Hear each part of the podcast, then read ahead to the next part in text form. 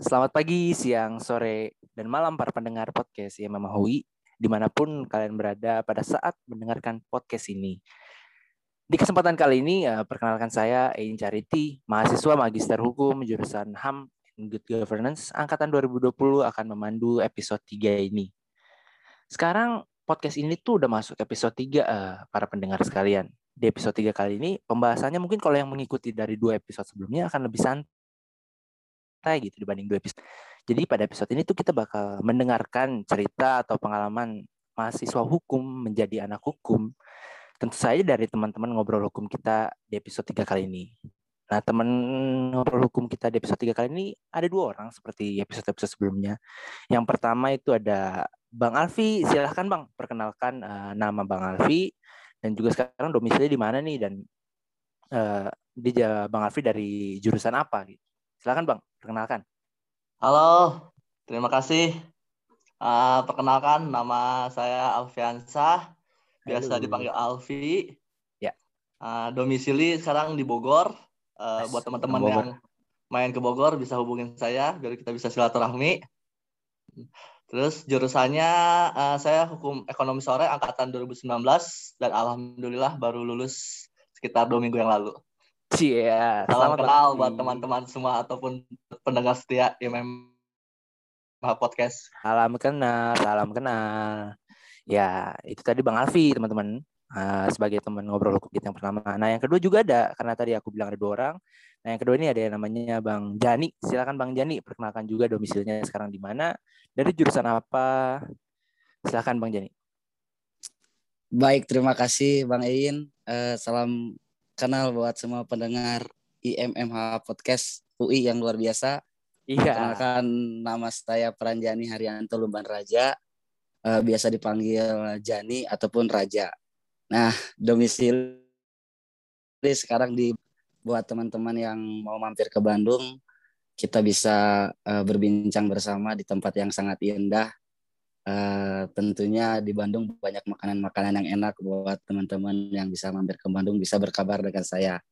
Siap. Sekarang jurusan saya itu uh, ambil program studi Magister Hukum HAM dan Good Governance angkatan 2020. Yo, bersama bersama dengan Bang Ein tentunya. ya, makasih Bang Jani, makasih Bang Alfi. Ya, jadi uh, seperti udah tak singgung di awal uh, pembukaan episode 3 kali ini, jadi pada episode ini tuh kita akan membahas cerita-cerita uh, Bang Alfi dan uh, Bang Jani dan juga ada mungkin ada sharing dari teman-teman yang udah kita post di Instagram gitu kan soal uh, tentang permasalahan seorang mahasiswa hukum. Jadi uh, nanti akan ada pengalaman mereka berdua teman-teman ngobrol hukum kita bagaimana pandangan mereka terhadap sebagai mahasiswa hukum terlebih lagi sebagai anak hukum. Jadi uh, buat para pendengar nih yang mungkin sekarang lagi bingung gitu kan, uh, buat adik-adik juga mungkin yang lagi mau nyari jurusan apa yang tepat kira-kira uh, rasanya gimana sih uh, perkuliahan gitu, bagaimana rasanya jadi mahasiswa hukum. Nah di podcast ini mungkin bisa jadi salah satu pertimbangan gitu. Uh, kalau misalnya mau jadi mahasiswa hukum ini kita bisa ngarahin gitu kira-kira kira-kira jadi anak hukum tuh gini, mahasiswa hukum tuh gini. Nah, karena itu uh, tema dari uh, podcast IMMH episode 3 ini adalah Mas Hukum Perkuliahan Karir dan Bukan Percintaan. Yoi. Rame dong, rame dong ya Bang Jani. Kece, kece, kece. Rame dong ya buset dah. Rame dong habis tema tuh. Per, perkuliahan karir dan bukan percintaan, bukan percintaan ya. Betul, betul, betul. Tapi boleh dikit kali Bang percintaan dikit-dikit mah. bisa, bisa, bisa diatur, bisa diatur, bisa diatur. Ya, Ya, buat teman-teman yang baru mendengar podcast ini ya untuk Bang Jani dan Bang Alfi juga, ini tak jelasin dulu ya di awal. Jadi kita tuh ada dua segmen, Bang. Ada dua segmen di podcast ini. Yang pertama itu disanguin hukum. Itu adalah singkatan dari diskusi santai gumulin hukum dan juga yang segmen kedua adalah pendapat netizen negara hukum gitu. Nah, di segmen disanguin hukum itu kita akan membahas berbagai permasalahan hukum dan mendengar pendapat nih dari Bang Jani atau Bang Alfi uh, teman ngobrol ke hukum kita ini mengenai permasalahan hukum tersebut. Nah, kalau dikaitin sama tema kita tadi di awal di Sangguin Hukum ini akan mendengar pendapat dari Bang Jani atau Bang Alfi perihal problema-problema sebagai mahasiswa hukum. Oke, kita mulai aja ya langsung. Disangguin hukum nih. Uh, pertanyaan pertama ini uh, buat keduanya sih pendapat uh, Bang Jani Bang Alfi. Kira-kira simpel sih pertanyaan pertama ini. Kenapa sih milih jurusan hukum gitu? Uh, dari S1 ataupun sekarang ini uh, kenapa sih milihnya uh, jurusan hukum gitu? Apakah ada contoh atau ada inspirasi dari siapa gitu makanya milih hukum S1, S2-nya atau mungkin berbeda gitu? Silahkan cerita dulu tuh. Siapa dulu nih Bang Alfi? Silakan Bang. Kenapa nih milih jurusan hukum? Oke, terima kasih Bang In. Ya sebenarnya kalau jujur ya ketika pas uh, pas dari SMA milih jurusan hukum karena kebetulan saya SMA-nya IPS ya. Jadi mungkin Iya, iya. Uh, jadi mungkin ya saya akan milih apa rumpun sosial gitu dan kebetulan mungkin yang cocok dengan saya itu adalah jurusan hukum karena uh, saya juga suka sejarah dan suka pendidikan kewarganegaraan jadi mungkin lebih cocok situ kalau dibandingkan ke akuntansi ataupun hubungan internasional kayaknya kurang cocok dah makanya iya. saya lebih milihnya hukum dan uh, alhamdulillah juga waktu pas itu uh, saya daftar di UNS itu senampeten undangan dan langsung keterima dan jadi ya udah saya udah langsung fokus aja ke depannya emang buat jadi apa sarjana hukum Simpel sebenarnya bang. Emang tipikal anak IPS kayaknya begitu sih bang emang. Iya. Memang IPS kita IPS ya. Kayaknya yang paling cocok untuk kita ya di hukum ini kayaknya bang ya sepertinya kayak gitu ya. Di jurusan hukum bang, bukan di hukum bang. Oh iya betul sorry sorry sorry. di hukum iya, nggak ada yang mau ya. Di iya, hukum nggak ada yang mau ya. Bisa bang aja gimana, bang Jani? Bang Jani gimana? Nah, ini yang, kira-kira ini, kenapa milih ini, ini yang berbeda bang In. Is apa kalau tuh? Mungkin kalau mungkin Bang Alpi dan Bang In kan IPS toh. Kalau aku tuh SMA-nya ambil uh, ambil jurusannya tuh IPA. Eh, nah, dokter, dokter. Nah, iya benar. Ambil Jadi, ini Bang jatah. Wah, nah, ini ini. Maaf buat teman-teman semua. Berangkat dari uh, ingin jadi polisi Bang Ein kan. Jadi uh, karena gagal akpol pada saat itu uh, yeah, informasi yeah. dari keluarga diarahkannya untuk uh, ngambil jurusan hukum hmm. supaya nanti fokus hmm. ke perwira karir. Mm-hmm. Nah, ngambillah jurusan hukum. Berangkat dari situ uh, ikutin aja kuliah sambil latihan toh gitu. Tahu tahu tahunya uh, waktu ngambil jurusan hukum malah uh, menyukai gitu. Uh, ah. Asik juga sih, asik juga sih ini ambil uh, jurusan hukum karena teman-teman di kampus cewek-ceweknya cantik-cantik. Ya Allah, memang, memang jadi ya, ya, dan ya. dan tentunya uh, waktu ngambil uh, jurusan hukum dan studi di Unpas ya Universitas Pasundan Bandung uh, wah kita uh, anak hukum bisa lebih luas gitu untuk mengambil profesi-profesi ke depan gitu. Dan uh, tersadarkan bahwa dalam setiap aspek kehidupan uh, ya hukum ini menjadi dasar geraknya gitu. Di situ jadi mulai suka dan uh, senang sih jalanin uh, jurusan hukum Bang Ein gitu. Ah iya ya paham paham paham ya unik juga ini dari IPA ke hukum jarang-jarang sebenarnya. Uh, tapi uh, ini bang mau Bang Jani dan Bang Hafiz sebenarnya S atau S2-nya linear kan sama-sama hukum kan ya? Iya. Nggak ada yang uh, S1-nya uh, jurusan uh, matematika, S2-nya hukum nggak ada kan ya? semuanya sama kan ya kita semua ya? Sama sama, sih, sama-sama. Ya. Jadi memang udah ada darah-darah hukum, basicnya udah ada ya. Iya gitu sih. Kan, ya. Iya, yeah. nah karena udah dari S1-nya sama ya Bang Alfi sama Bang Jani S1-nya hukum. Karena udah berarti udah lama kan kita ya ini ada di jurusan hukum gitu sebagai mahasiswa.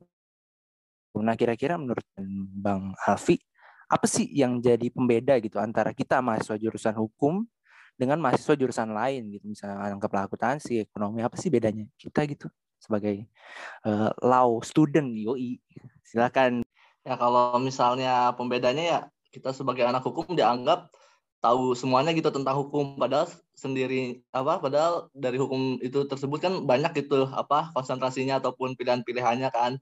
Jadi apalagi untuk orang awam tahunya ya kita tuh apa semuanya gitu soal perdata pidana mm -hmm. tata negara dan segalanya gitu. Jadi kita juga ngerti lah soal kasus-kasus ataupun isu-isu yang sedang berkembang di Indonesia gitu. Jadi ketika ada orang luar nanya ke kita tuh ya mau nggak mau kita harus tahu gitu tentang apa dasar-dasar dari hukum dan tentang perkembangan isu yang ada saat ini. Kalau enggak ya malu-maluin juga kan. Gak mungkin kita bisa bilang kalau misalnya itu bukan apa, bukan konsentrasi ataupun bukan spesialis kita gitu. Pasti mau nggak mau kita harus tahu lah minimal hmm. hmm, hmm. basic-basicnya gitu. Iya, iya.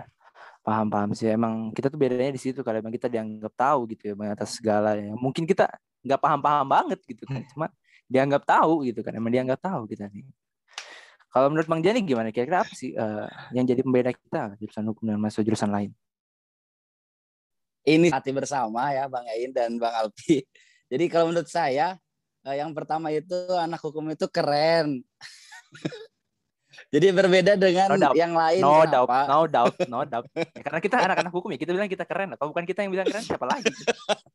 Oh iya betul betul betul yang pertama kita keren. Kenapa? Karena eh, kita eh, diberi pembekalan lebih awal gitu bahwa dalam menjalankan semua aspek kehidupan itu eh, dasarnya itu suatu hukum gitu. Ya kan kita harus eh, eh, tahu gitu bahwa eh, hak dan kewajibannya seperti apa. Nah, kita lebih lebih tahu itu dan kita jadi lebih berjandingkan yang lain dalam bertindak gitu. Kalau menurut menurut aku sih eh, itu ya, Bang. ya? enaknya kita dan be- bedanya kita itu itu gitu. Kita oh saat kita mau mengambil sikap atau menentukan langkah, kita lebih eh, lebih berjaga-jaga terlebih dahulu. Oh ini kayak Oh, gimana apa ya? yang boleh dan apa Eh, yang tidak boleh. Apa yang boleh Ya. dan ah betul betul. Ke situ sih jadi bedanya bedanya lebih ke sana sih menurut aku. Lebih di Dan- sana ya, Bang ya. Mm. Dan benar juga yang tadi kadang kita dianggap eh, Hmm. dianggap serba tahu terkait hukum padahal kita sendiri juga belum memahami karena banyaknya eh, apa namanya yang tadi Bang Alfi bilang kan eh, Iya, iya. yang membuat orang tuh eh, oh tanya nih karena hukum gitu kan. Nah, jadi kita lebih lebih lebih diperhatikan sih menurut aku kalau kita di, di anak hukum ini gitu. Ah, iya, iya. Nah, begitulah ya kira-kira ya apalah eh, bedanya kita gitu kan dibanding Bang, yang lain. Ada Ya, lagi Bang Ain, bedanya Apa tuh? anak mahasiswa hukum sama mahasiswa lain. Apa tuh? Kan tadi Apa tuh? Apa? Bang tuh keren-keren, Ya. gaul-gaul. Jadi ya, Ya. mungkin itu bedanya ya. Makanya sering juga disebut fakultas hedon ya. Yoi. Eva ya, Fakultas Hedon ya.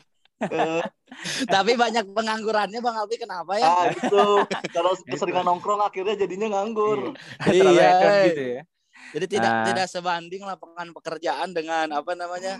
dengan kampus yang disediakan di negara kita. mahasiswa hedon ya begitulah ya nah karena bahas mahasiswa tadi nih kan sebagai mahasiswa gitu gimana nih perasaannya eh, jadi mahasiswa hukum tadi nih terlebih kan sekarang udah S2 tapi bedanya Bang Alfi Bang Jani Bang Alfi tuh eh, sempet nih offline nih Bang Jani nih nah sementara Hmm. Bang Jani ini full online kan nah gimana Iya eh, sih. eh, gimana mahasiswa online sekarang Bang Jani abis itu Bang Alfi deh Bang Jani silahkan Ya kalau oh si- siapa dulu nih Oh. Bang Alfi? Bang Jadi dulu ya. Silakan Bang Oke. Jadi gantian Bang. Oke oke siap. Kalau perasaannya sih ya bisa ditarik dari dua aspek ya. Eh, positifnya kita bisa leluasa untuk melakukan setiap kegiatan memang sudah menjadi prioritas kita sebelumnya gitu. Baik eh, dalam kegiatan sosial maupun kegiatan usaha gitu. Tapi eh dihnya itu eh, negatifnya itu lebih ke arah eh, pengen berkarya bersama dengan teman-teman S2 secara langsung gitu kan ber- eh, berbagi secara langsung nggak nggak offline eh nggak online gini gitu. Itu yang memang eh, kadang eh, bikin kapan nih eh, bisa ketemu langsung dengan teman-teman semua. Bahkan ya eh, Bang Ein dan Bang Alfi aku tuh sampai berpikir datang ke setiap eh, daerah teman-teman kelas S2 gitu loh. Datang ke Medan datang ke niat kali ya Bang Bang Jakarta Jani ya untuk Niat ketemu sama sama sama teman-teman S2 gitu karena emang tipikalnya lebih suka eh, offline gitu dibandingkan online gitu cuman kan harus beradaptasi tuh untuk ya ya iya untuk sih eh, kuliah ini gitu Tapi perasaannya kayak gitu mahasiswa sih online. Hmm. oke. Derita mahasiswa online ya bang ya. iya betul eh Iya. Nah gimana kalau bang Alfi nih? Apalagi udah persempet kan ngerasain jadi mahasiswa offline, offline di UI lagi kan ya, selama beberapa bulan walaupun gak lama mungkin ya bang ya bang Alfi nih. Ya. Kalau aku sih alhamdulillah masih apa sempat untuk tatap muka gitu jadi bisa kenal ataupun bisa silaturahmi langsung dengan teman-teman ataupun dengan dosen-dosen lainnya. Karena ya sebenarnya ya salah satu tujuanku lanjut di UI itu selain untuk mencari ilmu ya aku juga untuk mencari relasi lah ataupun menambah Betul ini rekanan gitu kan. Jadi ya ketika apa kemarin tatap muka ya alhamdulillah udah sedikit bertambah gitu pertemanan ataupun relasi yang aku punya gitu. Soalnya emang sebenarnya pentingnya jadi mahasiswa hukum ataupun jadi sarjana hukum apalagi yang ntar mau apa ibaratnya mau fokus ke profesi itu buat baik pengacara ataupun notaris kan ntar punya kantor sendiri ya harus banyak relasi ataupun rekanan. Makanya kemarin tuh ya udah apa sempat tatap muka ya aku manfaatin itu. Dan sekarang uh, tetap aku jaga gitu ininya apa hubungannya dengan teman-teman yang lainnya meskipun cuman apa sisanya cuman ketemu via zoom tapi ya yeah. masih sempet lah kita sekali dua kali adain pertemuan ataupun ketemu gitu di kampus kalau misalnya ada urusan dan lainnya. Oke, enak sebenarnya bang bang Alfi ini uh, udah sempet uh, ketemu gitu sebenarnya. Oke lah. Nah karena sebagai mahasiswa gitu kan apalagi S2 ini rata-rata uh, udah banyak mungkin mayoritas kali ya beberapa udah pada uh, bekerja gitu ya. Nah kalau perihal nih bang Alfi bang Jani ini jawab dengan lin, uh, linear atau tidak dulu ya linear atau tidak dulu menurut bang Jani sama bang Alfi uh, karir atau pekerjaan yang Bang Jani dan Bang Alfi jalani saat ini apakah linear gitu dengan ilmu yang telah dipelajari uh, sesaat kuliah S1 S2? Silakan Bang Jani dulu deh. Apakah linear atau enggak? Kalau aku tidak Bang Ein. Kalau aku ah, tidak. Oke oke oke oke siap. Kurang kurang linear kali ya Bang Jani ya. Ya. Okay. Kurang kurang sih. Kurang oke. Okay. Nah Bang Alfi, kalau Bang Alfi sendiri apakah linear dengan ilmu yang telah dipelajari selama uh, S1 atau S2 dulu? Kalau sejauh ini alhamdulillah masih linear. Masih linear ya, ya. Oke. Oke, oke, oke. Nah, karena uh, karena tadi sudah jawab linear atau tidak, yang bisa disebutkan adalah kira-kira kan Bang Jani sama Bang Alfi kan sudah mendapat pekerjaan kan lah ya sekarang ya. Bisa bilang sudah seperti itu. Nah, karena itu kira-kira ada nih pandangan nih Bang, Bang abang-abang sekalian bahwa mencari kerja lulusan hukum itu sulit banget. Gitu. Terlebih karena lulusan hukum di dunia kerja itu dituntut satu nih, memiliki pengalaman yang lama di dunia hukum gitu. Sementara kita mau lulus gitu, pengalamannya di mana gitu kan. Lalu yang kedua, eh, keahliannya tuh udah kenal di dikenal gitu di perusahaan gitu. Menurut Bang Jani Bang Alfi, bagaimana perihal pandangan tersebut gitu? Terlebih dua-duanya kan udah punya pekerjaan walaupun Bang Jani ini kali kurang linear mungkin. Kalau Bang Alfi linear gitu. Menurut Bang sekalian gimana? Sekalian Bang silakan. Ya kalau menurut saya hmm, sekarang nggak hanya sarjana hukum aja, mungkin sarjana lain juga diminta untuk mempunyai pengalaman ataupun keahlian lainnya ya. Uh, makanya sekarang perusahaan lebih banyak memprioritasin lulusan-lulusan yang pada punya pengalaman internship ataupun magang. Mm -hmm. uh, tapi mungkin ya itu bedanya mungkin tadi udah di apa ada perbedaannya mungkin tadi udah disebutin sama Mas Jani itu soal ini aja sarjana lu banyak dibandingin dengan lapangan pekerjaan yang ada uh, karena uh, tahu sendiri sekarang setiap fakul apa setiap universitas tuh mayoritas ada fakultas hukum dan kita hmm, tahu apa kita tahu semua fakultas hukum itu salah satu fakultas paling banyak mahasiswanya. Kayak favorit ya, iya ya, paling banyak iya, favorit. favorit semuanya bisa masuk pokoknya. Hmm, kayak kebetulan di apa pas saya satu di UNS itu sekitar ada 400 mahasiswa satu angkatan. Ah, ya. dan itu baru satu kampus saja belum aja kampus-kampus ya. yang lain hmm. kan kampus swasta maupun negeri makanya ketika anak jurusan lain nanya anak hukum ada berapa uh, kita jawab ada ratusan pasti mereka kaget uh, sedangkan mereka sendiri cuma puluhan ataupun seratus dan dan itu nggak sebanding dengan ketika kita lulus uh, lapangan pekerjaan ada tuh cuma sedikit gitu makanya uh, sekarang banyak juga kan yang sarjana hukum akhirnya pada uh, melompat ke bidang lain gitu di luar hukum gitu karena uh, yeah. untuk dengan hukumnya sendiri itu cuma sedikit dan tapi ya benar juga karena apa saking banyaknya sarjana hukum saat ini ya memang perlu itu pengalaman sama keahlian makanya kalau ini apa ya buat yang masih mahasiswa ya apalagi yang udah tingkat akhir dimanfaatin sebaik-baiknya buat internship ataupun buat magang dan ketika udah lulus ya ya bisa diambil PKPA tidak apa ya tidak tertarik untuk jadi pengacara tapi ya saya rasa PKPA itu penting gitu. Nah, dengar dengar anak-anak yang sedang mendengarkan PKPA itu penting. Oke, oke. Mantap Bang Alfi. Oke, Bang Jani, kira-kira bagaimana menurut pandangan Bang Jani masalah lulusan hukum yang sedemikian rupa? sepakat sih uh, sama yang Bang Alfi sampaikan tadi dan uh, aku harap kita semua juga uh, memikirkan tentang uh, bagaimana nih peran uh, pemerintah yang sudah uh, melihat Pak uh, banyaknya sekali kampus yang disediakan dan berbanding terbalik dengan dunia pekerjaan khususnya bagi uh, kita mahasiswa hukum. Dan ini berdampak banget sih gitu. Ya berdampak banget uh, terkait susahnya uh, susahnya sarjana hukum untuk uh, mendapatkan pekerjaan dan bahkan mengambil uh, sektor yang lain. Nah, uh, yang mau disampaikan yang mau disampaikan adalah uh, ada sesuatu yang harus uh, diperbaiki dalam regulasi uh, penyelenggaraan ataupun regulasi tentang bagaimana keduduk kedudukan bagaimana kedudukan uh, sarjana hukum gitu ya kan ya. uh, bagaimana bagaimana kedudukan sarja, sarjana hukum yang uh, bisa dibilang banyak pengangguran gitu ah, nah hmm. banyak pengangguran makanya hmm. uh, kerjaan saat ini ini adalah salah bukti karya yang ingin ditunjukkan kepada pemerintah. Saya pribadi membuat suatu uh, social entrepreneur uh, coffee shop ya namanya itu Pura Coffee Bang Ein. Oke. Okay. ya, Instagramnya Bang, tolong dikasih tahu. namanya oh, secara tidak langsung. namanya Pura Coffee ya. P U R A K O F F I E. Jadi uh, uh, tidak hanya sebatas menyediakan kopi tapi hmm, membuat tapi? Kon membuat konsep konsultasi hukum gratis kepada masyarakat. Mm-hmm, nah, mantap. Tapi yang yang mau ditunjukkan di sini adalah uh, tidak hanya terkait memberikan konsultasi hukum kepada masyarakatnya gitu, uh, Bang Ain dan Bang Alfi, tapi yeah. ingin menggabungkan uh, beberapa sarjana hukum yang punya semangat sosial ya untuk memberikan edukasi dan edukasi dan pembinaan hukum kepada masyarakat. Hmm yang pendampingannya kita berikan kepada uh, lembaga bantuan hukum maupun kantor-kantor hukum.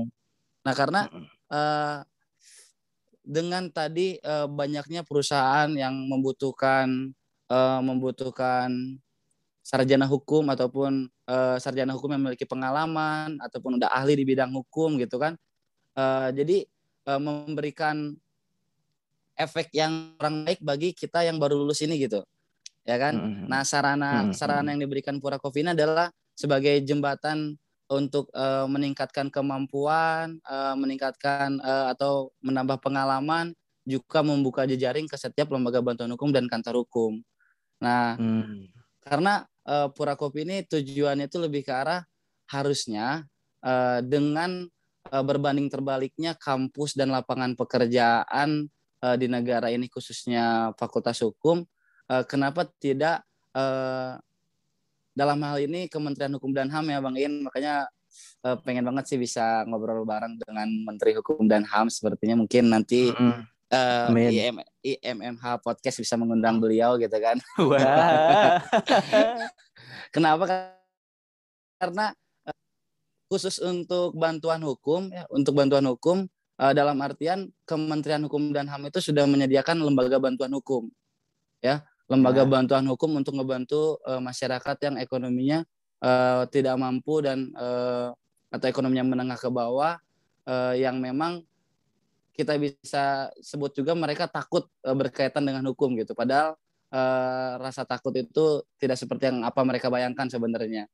Uh, maksudnya lembaga bantuan hukum yang sudah difasilitasi oleh Kementerian Hukum dan HAM uh, harapannya itu bisa bekerja sama dengan setiap fakultas sehingga setiap uh, sarjana hukum yang sudah lulus dan berpotensi punya semangat sosial dan ingin berkegiatan di uh, lawyer gitu atau uh, dalam uh, kegiatan sosial yeah. dia di setelah lulus itu bukan hanya magang tapi dia bisa kerja di lembaga bantuan hukum itu sehingga bisa mengurangi tingkat uh, pengangguran uh, khususnya jurusan uh, fakultas hukum yeah. karena kalau kita lihat uh, di Indonesia setiap daerah kota kabupaten punya fakultas hukum punya juga lembaga bantuan hukum.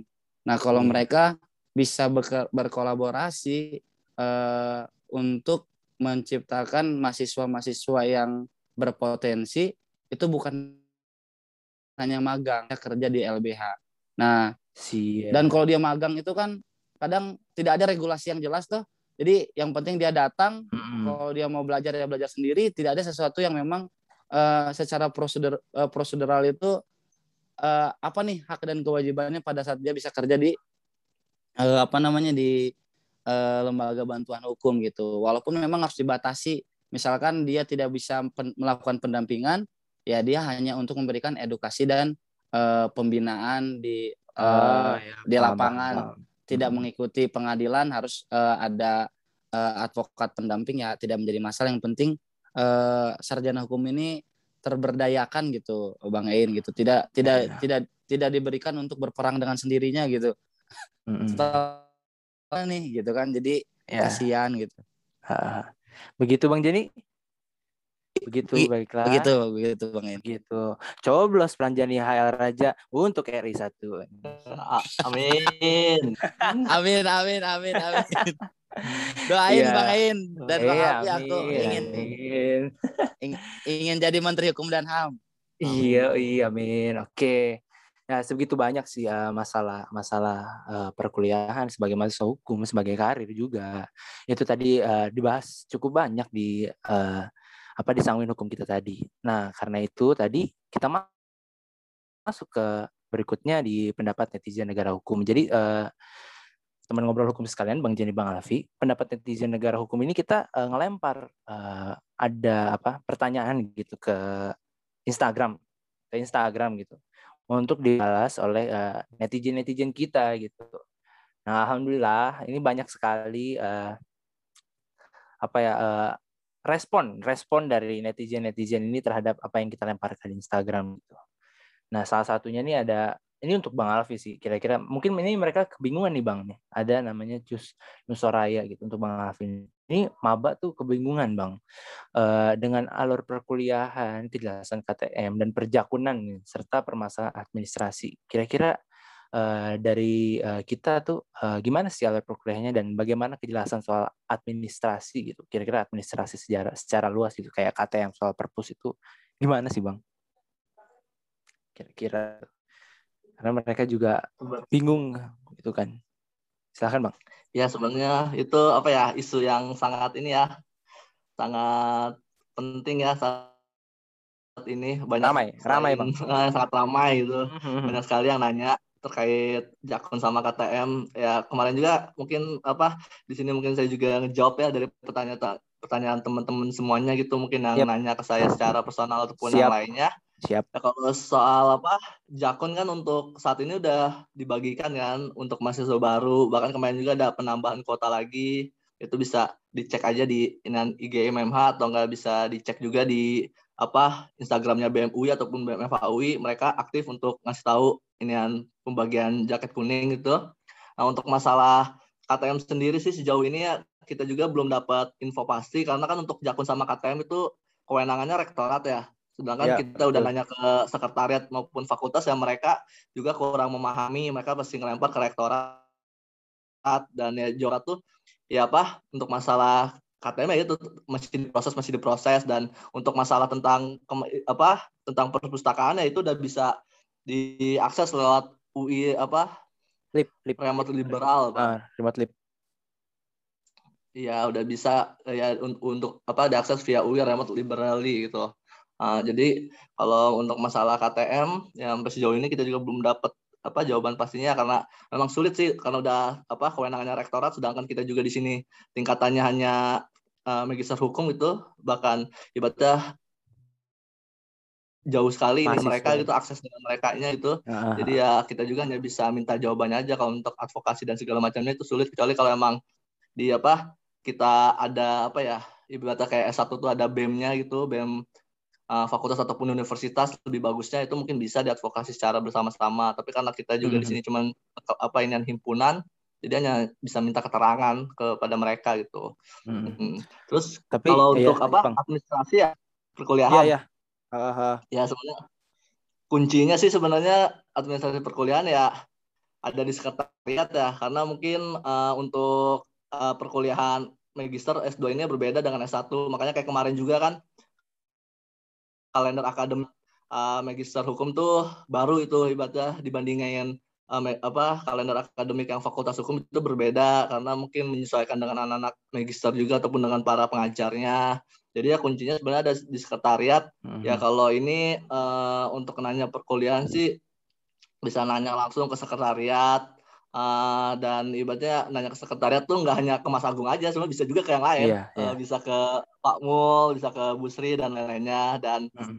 apalagi kalau misalnya udah masuk perkuliahan kan biasanya ketua kelasnya tuh dimasukin ke grup forum ketua kelas ya dan itu bisa dipergunakan di grup forum ketua kelasnya. Makanya kembali lagi ke ketua kelasnya masing-masing. Kalau misalnya ketua kelasnya aktif sih, oh informasi ataupun hal-hal lainnya terkait perkuliahan sih itu pasti akan ada informasinya pasti itu dengan baik. Tapi kalau misalnya ketua kelasnya juga kurang aktif ataupun nggak pernah lihat grup sih, ya jadi ada apa miskomunikasi itu. Hmm. Oke oke. Yang pasti sih berarti soal kayak KTM Jakun itu kita udah melakukan beberapa kali kali ya Bang Jania ke ke hmm. sekretariat atau ke eh, dosen-dosen atau yang bertanggung jawab bagaimana kejelasannya bang udah berkali-kali kita push ke mereka ya bang yang mengenai bagaimana sih ini gitu ya bang ya, kira-kira ya udah berapa beberapa kali kita ya. tanya-tanya ke mereka kan udah kita udah, usahakan udah terus berapa gitu, kali kan, hmm, ibaratnya baik secara apa uh, secara telepon ataupun secara langsung ya kita udah pernah gitu melakukannya ke sekretariat bahkan ke Depok juga ke rektorat mm-hmm. jadi udah pernah melakukannya tapi ya jawabannya nggak jauh berbeda Hmm, itu hmm. masih tetap diproses gitu. Kalau untuk dari masalah internal KTM. sananya ya, Pak. Eh, internal sananya iya, ya, Bang. Ya? Hmm. Kita sih memang sudah mengusahakan seperti itu ya, Bang. Ya? Gitu. Nah, soal administrasi mungkin bisa kali ya lewat sosmed-sosmed kita kan juga ada ya bang bisa jadi uh, mungkin bisa jadi alur informasi gitu mau dapat informasi-informasi gitu. Sosmed kita juga berguna untuk itu juga kan ya bang ya? Ya oh. dan ya makanya uh, keberadaan IMMA sih lebih tepatnya sih untuk menjebatani apa informasi ataupun komunikasi komunikasi antara sekretariat dengan mahasiswa. Makanya ya buat teman-teman apa mahasiswa hukum mahasiswa hukum UI uh, terutama buat mahasiswa baru jangan lupa di follow IG MMH-nya karena itu sangat bermanfaat. Iyo I UI. Uh, iya, iya di situ akan ada informasi-informasi terkait perkuliahan ataupun pengumuman-pengumuman lainnya. Dan ya Aku sudah follow, Bang. Emang, Aku sudah follow dan banyak informasi ya. yang berharga sih informasi yang berharga. Jadi aku juga bilang ke teman-teman benar-benar harus uh, segera follow IG-nya gitu. Sangat bermanfaat untuk kita yang membutuhkan informasi dan ketinggalan. Dan apa tambahan kalau misalnya sebenarnya teman-teman apa ada yang mau ditanyakan ke sekretariat kuliahan bisa juga lewat IG MMHUI uh, cuman ya kita juga kan eh, nggak uh, bisa tiba-tiba uh, mahasiswa nanya kita langsung ta apa kita tanyakan langsung kepada fakultas gitu ataupun kepada sekretariat ya ibadah kita tampung dulu pertanyaan dari teman-teman biar kita nanya tuh ya sekalian jadi buat teman-teman yang nanya ya insya Allah pasti akan kita apa follow up gitu tidak lanjutin tapi ya harus bersabar juga karena kita nggak bisa langsung nanya ke sekretariat kita butuh ibaratnya ya butuh waktu juga dan butuh proses juga untuk nanya ke mereka. Hmm. Baik, baik. Thank you Bang Afio. Jadi buat teman-teman maba begitu ya. Uh, kita punya sosmed gitu yang bisa uh, uh, jadi komunikasi tadi kayak Bang Jani. Di follow IM MMHUI gitu. Adminnya baik-baik kok. Jangan takut. Yoi. Nah, uh, begitu kira-kira uh, uh, bagaimana soal perkuliahan, alur perkuliahan gitu. uh, kalau misalnya lebih jelas lagi kita punya sosmed sebagai alur komunikasi dan bagaimana usaha kita mengenai uh, untuk menjelaskan penjelasan perihal KTM dan perpus gitu. Nah berikutnya buat Bang Jani nih dari Ramos Hidayat Bang Jani. Mau tahu pendapatnya dia apa? Apa katanya dia Bang Jani? Apa Jadi, Bang Ain? Bang Jani. Prof Satya tugasnya ya Allah silahkan Bang Jani ditanggapi. Aduh teman-teman semua yang berjuang di UI. Kalau dengan Prof Satya ya tentunya kita harus uh, bersabar. Tapi Prof Satya adalah salah satu dosen yang baik dan bijaksana, teman-teman. Hmm, uh, emang baik dia tuh. Berapa itu, Bang Joni? betul betul betul betul baik dan bijaksana. Jadi harapannya buat teman-teman semua itu bersabar dan mengikuti perintahnya, jangan macam-macam. Uh, jadi kalau emang tuh, udah diberikan diberikan tugas dan arahannya A, lakukan A jangan mau mencoba ke B teman-teman. Bahaya. Nah, untuk mama bamba yang mungkin nanti akan sedang mendengarkan podcast ini mohon didengar petuah dari Bang Jan. Iya bahaya. Jadi eh, dengan baik dan bijaksananya Prof. Satya mohon untuk dilakukan semaksimal mungkin tugas-tugasnya. Ya kalau mungkin tidurnya biasanya lima jam ya jadi dua jam aja cukup teman-teman. Begitu. Baik baik baik. Nah terus ada juga nih sih ini sebenarnya udah sempat kita uh, singgung di awal kali ya Bang Jani Bang Afi. Jadi memang ada beberapa yang mengeluh perihal uh, bosan online, sedih banget cuma tiga bulan uh, sama teman-teman ketemu daring. Terus pas tesis nih mungkin ntar bang Alfi kali yang bisa langsung pas tesis tuh di ghosting sama dospem gitu kan. Nah gimana menurut uh, uh, bang Alfi dulu lah yang udah sampai tesis gitu kan di ghosting sama dospem itu itu salah satu duka kita sebagai mahasiswa kali ya bang Alfi ya. Duka kita sebagai uh, apa mahasiswa gitu. Gimana menurut menurut Bang Alfi kira-kira gini apalagi ghostingnya lagi online gini kan lebih repot lagi. Apalagi sekarang kan uh, dosen-dosennya yang udah umurnya naik uh, umurnya di atas gitu. Maksudnya udah menuju lansia ini kan agak susah gitu kan sebagai uh, untuk balas chat mungkin atau ketemu secara online gitu Bang Alfi. Ya, nah sebenarnya terkait apa ya bimbingan online ini ya sangat apa ya untuk ini sangat sulit ya untuk mahasiswa semester akhir gitu. Ibaratnya dampaknya tuh sangat berpengaruh untuk bimbingan ya misalnya kalau dulu kalau kita mau bimbingan mungkin kita bisa ketemu di fakultas ataupun ya, mereka, apa ya. dosennya setelah ngajar kita bisa nyegat gitu depan apa depan ruangannya atau nyegat gitu depan mobilnya gitu tapi karena sekarang online ya. kan ibaratnya kita harus uh, ngubungin dulu untuk ketemu ataupun harus nanya dulu gitu Nah, itu agak sulit soalnya nggak semua dosen langsung balas gitu ataupun pas respon. Bisa jadi ya uh, chat hari ini dibalasnya tuh minggu depan. Bisa jadi seperti itu. Uh, beda kalau misalnya apa uh, offline ataupun tatap muka kan kita ya tinggal cari aja jadwal mereka ngajar yeah. ataupun jadwal mereka ngantor kan. Uh. jadi bisa kita ketemu langsung. Makanya uh, apa ya sedikit uh, keluh kesah juga ya. Terutama untuk yang kemarin awal-awal pandemi kan itu masih kaget lah ibaratnya dengan bimbingan online itu dosen-dosen kan. Jadi banyak juga tuh pas angkatan 2018 tuh pas tahun kemarin yang ngambil uh, tesis itu banyak juga yang terhambat. Akhirnya uh, lulusnya jadi sedikit lebih lama karena bimbingannya terkendala gitu. Uh, ibaratnya dosen-dosen juga karena baru gitu baru berubah terkendala. dari yang offline jadi masih beradaptasi uh, tapi kalau untuk sekarang sih uh, kalau dari apa saya mengamati sih ya dosen-dosen mm -hmm. udah mulai bisa lah uh, dengan kultur yang baru ini gitu. Mm-hmm. Jadi alhamdulillah untuk kayak angkatan saya juga 2019 itu udah banyak yang lulus mayoritas sudah pada lulus gitu wah mantap tuh mantap, mantap. Hmm. ini juga bisa disebut terkendala jaringan juga nggak sih bang kayak nah, gitu, terkendala jaringan hmm. uh, tapi aman dulu bang Alfi uh, tesis ini sampai tesis sampai beres ini ini ada sampai di ghosting begini kalau bang Alfi sendiri aman waktu tesis mulus-mulus ya, aja tesis alhamdulillah Alhamdulillah dosennya itu masih muda ya dan gaul itu uh, namanya ah. Pak Dian Puji Simatupang oh. gitu bisa oh, wah, ini apa dia? Wah, wah, wah, wah, wah. uh, Dengar kata Pak Dian langsung langsung inget sesuatu. kan kan Pak Dian itu kan karena mungkin masih apa masih jiwa masih muda, muda masih muda jauh, gitu. aktif juga dia di media sosial jadi ya kalau untuk komunikasi ataupun untuk bimbingan lancar hmm. ya mungkin yang kendalanya itu yang dosen-dosen yang senior ataupun yang udah yeah. berumur gitu yang apa yang sedikit kurang mengerti dengan teknologi ataupun komunikasi itu agak sulit. Makanya ada juga beberapa dosen yang tetap minta kita cetak hard copy terus kita kirimin ke rumah ataupun ke kantornya gitu. Ada tuh Bang kayak gitu? Masih ada kayak gitu maksudnya? Kirim ada, ke rumah lumayan. Oh, masih ada beberapa. Oh. Wah, lumayan juga hmm. tuh ya kayak gitu sebenarnya. Oh. Baik Bang Afi, begitu tadi kira-kira sedikit cerita kesaksian dari Bang Alfi bagaimana tesis tadi gitu. Nah kalau Bang Jani nih sebagai pejuang online yang ketemu teman-teman gitu disamperin hatu-hatu ini kan eh, bisa kasih pesan-pesan gak nih yang untuk sebosan online ini sedih banget gitu. Menurut Bang Jani gimana lah gitu. Solusinya selain Bang Jani yang nyamperin hatu-hatu gitu kan capek juga di bensin. Siap-siap.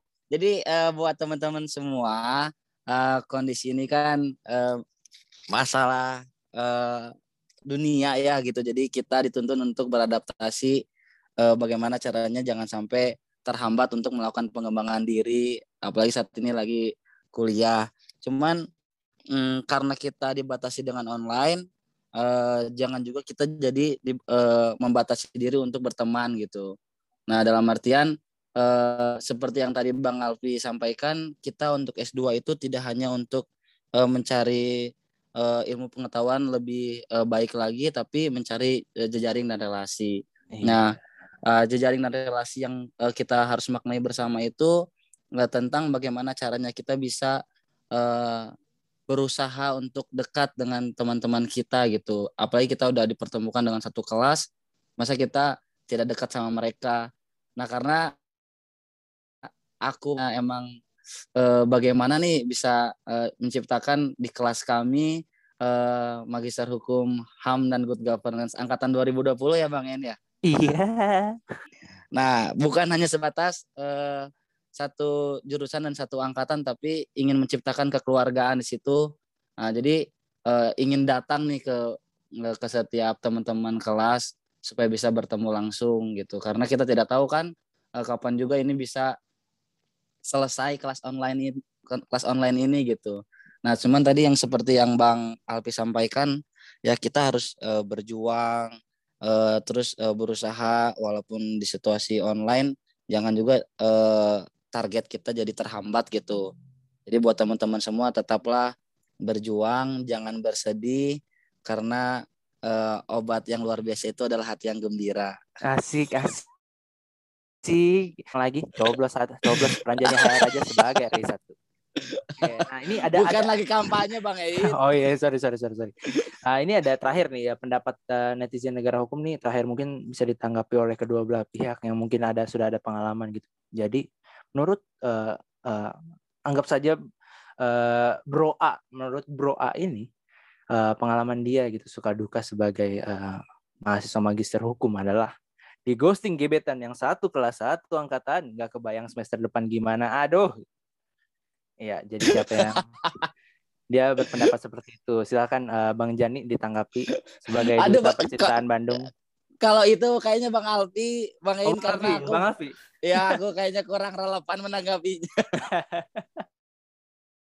belum saya juga saya belum ada bukti jadi dia belum bisa uh, gitu. dibilang bukan percintaan niatnya itu dia kuliah apa nyari jodoh masuk lagi hukum? Mungkin mungkin dia mungkin dia kuliah kan bang. Mungkin dia kuliah. Eh tapi ada yang nyantol gitu kan. Kita namanya rezeki orang nggak ada yang tahu ya bang.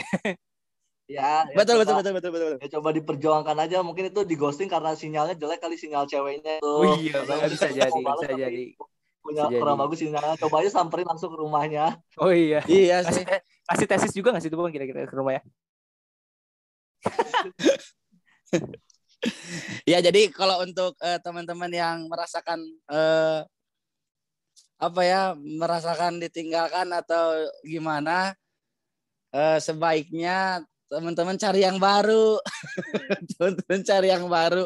Jangan juga gara-gara ditinggalin jadi nggak semangat kuliahnya gitu. Karena kan udah masuk UI berarti uh, adalah salah satu orang yang memang keren gitu. Jadi pasti banyak yang mencari juga yes, gitu. itu juga duta percintaan Bandung kan? Tidak salah. Ya seperti Bang Aina punya pengalaman Waduh. banyak tentang uh, pejuang Waduh. cinta. Begitu. Bang Alfi mau ada tambahan Bang Alfi cukup kalau soal itu. Oke oke. Okay, okay. kayak gitu kita uh, berdo didoakan aja kali ya Bang ya. Gitu. ya bersabar. Bersabar. lagi yang lainnya lebih bersabar sih. Aduh, ya. kasihan banget sih dia. Baik, bro, baik. tadi namanya Bro apa? Ma anggap saja Bro A. Bro oh, Bro A. Bro A itu, terus berjuang. Iya. Ya, Bang itu Bro apa, Bro Ain? Eh, bro A. Bro A. Bro A itu Bro A itu dia ya. Uh, sedemikian banyak tadi uh, sudah beberapa pendapat yang sudah kita tebar gitu ditanggapi oleh kedua teman ngobrol hukum kita teman-teman sedemikian banyak kan uh, suka duka yang telah dilewati gitu sebagai mahasiswa magister hukum gitu kan. Ada yang dari masalah uh, dari maba tadi kan dibuka sama yang maba sampai yang percintaan pun ternyata ada suka dukanya di magister ini gitu. Uh, begitu maka itu ya, kita masuk nih ke ada sesi penutup kita untuk bang Hafi dan bang Jani ini. Uh, kasih ya uh, petuah lah petuah petuah buat uh, teman-teman yang sedang mendengarkan ini. Pelajaran apa sih yang bisa diambil gitu sebagai kita anak-anak hukum gitu? Anak-anak hukum gak cuma magister hukum selama ini. Dan pesan uh, untuk individu-individu yang di anak hukum bang Jani dipersilahkan. Oke bang Ein ini uh, sharing lah ya ataupun uh, sama-sama berjuang terkait masa depan yang memang misteri bagi kita semua kalau seperti yang disampaikan filsuf Alan Gewirth ya bahwa uh, siap, siap. kita kan uh, hak asasi manusia dan good governance bang Ain. Oh iya. Jadi iya, iya. Uh, jadi gini uh, tentunya kita mengetahui ada hak dan kewajiban. Tapi Alan Gewirth uh, menceritakan tentang uh, kita akan mendapatkan hak yang terbaik kalau kita melakukan kewajiban yang terbaik gitu. Jadi kita akan mendapatkan hak hidup yang baik kalau kita hidupnya juga melakukan kewajiban yang baik dan kita akan mendapatkan hak pekerjaan yang layak kalau kita bertanggung uh, melakukan kewajiban juga semaksimal mungkin untuk memperbaiki diri kita dan pantas untuk mendapatkan kerjaan yang baik. Cuman uh, bagi kita semua uh, saya ingin menyampaikan terkait tujuan besar dari ilmu pendidik ilmu pendidikan bukanlah ilmu pengetahuan gitu, tetapi tindakannya. Jadi buat uh, kita semua tidak salah menjadi uh, berbeda, bersikap berbeda saat teman-teman semua yakin dengan harapan dan tujuan teman-teman, uh, fokuslah kepada proses uh, karena uh, proses itu yang akan menuntun uh, hasil yang terbaik bagi kita semua gitu. Jadi ya, uh, lebih ke uh, lebih ke arah semangat uh, semangat berpengharapan gitu dan terus berjuang ya, dan lakukan yang terbaik. Siap. I work I work the best under yeah, pressure. Sedang. Gitu. Oke okay, oke, okay. thank you Bang Jani. Bang Afif silakan. Ya kalau dari apa? Aku sendiri ya mungkin kita tahu ya dan sudah setuju gitu uh, bagaimana kondisi hukum ataupun penegakan hukum mm-hmm. uh, saat ini di Indonesia sangat memprihatinkan. Ah, iya. tidak adilan terjadi di mana-mana, uh, korupsi yang semakin banyak ya atau enggak koruptornya malah yang semakin kuat sekarang dengan apa uh, revisinya undang-undang KPK ataupun dengan apa uh, pimpinan KPK saat ini dan itu mungkin ya teman-teman itu udah pada tahu semuanya dan pada memahami semuanya juga gitu.